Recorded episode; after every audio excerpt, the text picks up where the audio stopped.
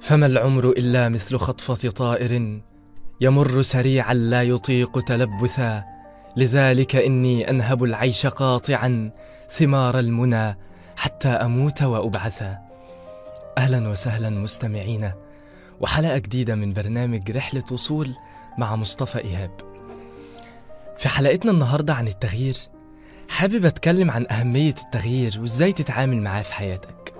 التغيير هو شيء إلزامي وضروري شيء لازم نتعلم ونعلم إن إحنا هنمر عليه في يوم من الأيام. لأن في حياتنا أو في طور الحياة التغيير هو الأساس. أنت بتكبر وبتطول وبتنتقل من مرحلة لتانية. ونادرا إنك تلاقي شخص لا تتغير حياته حتى لو بشكل بسيط. التغيير واجب التغيير لازم. هنا بقى نيجي المشكلة وهي إنكارك للمشاعر دي. إنكارك إن التغيير مرحلة انتقالية أو مرحلة صعبة. لأن الإنسان بيحس بالأمان والراحة في الجزء اللي هو صنعه في المكان اللي قاعد فيه اللي هي ال comfort zone.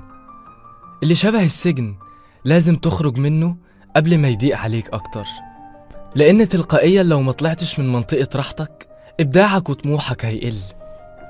التغيير هو جزء من الحياة وإنه من أهم ضرورات الحياة. وإنك لو ما تغيرتش ممكن ما توصلش للي أنت عاوزه.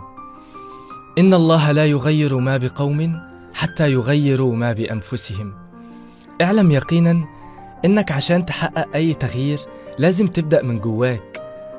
تعيد ترتيب أولوياتك تعيد ترتيب أشخاص اللي حواليك مهامك أفكارك. بدون التغيير الداخلي هتفضل زي ما أنت في مكانك. عشان كده إحنا بنسعى إلى التغيير الداخلي عشان نحصل على التغيير الخارجي. تغيير الأسلوب والمنهج يعني تغيير العادات والأماكن والأشخاص اللي حواليك. وإنك تتعرف على ثقافات جديدة وراقية يبقى تغيير الأسلوب هيكون بصورة أسرع. كل دي أمور هتخلينا نحس بالتجديد بصورة أسرع. وزي ما قلنا قبل كده ما تستعجلش في النتائج. اختيار ربنا في المنع والعطاء ده ايمانك بربك من النقط المهمة إنك تكون عارف أنت فين بالظبط عشان ما تضيعش وتتوه وسط الطريق اللي أنت ماشي فيه وتفقد سعيك وشغفك. من لا يعرف موقعه قد يطول ضياعه. التغيير يمكن شبه السلم ممكن تستخدمه عشان تطلع لفوق أو عشان تنزل لتحت. ويفضل الاختيار في إيدك أنت أنت اللي شايل السلم. كل شيء بيتغير حوالينا حتى إحنا. فلنتغير للأفضل.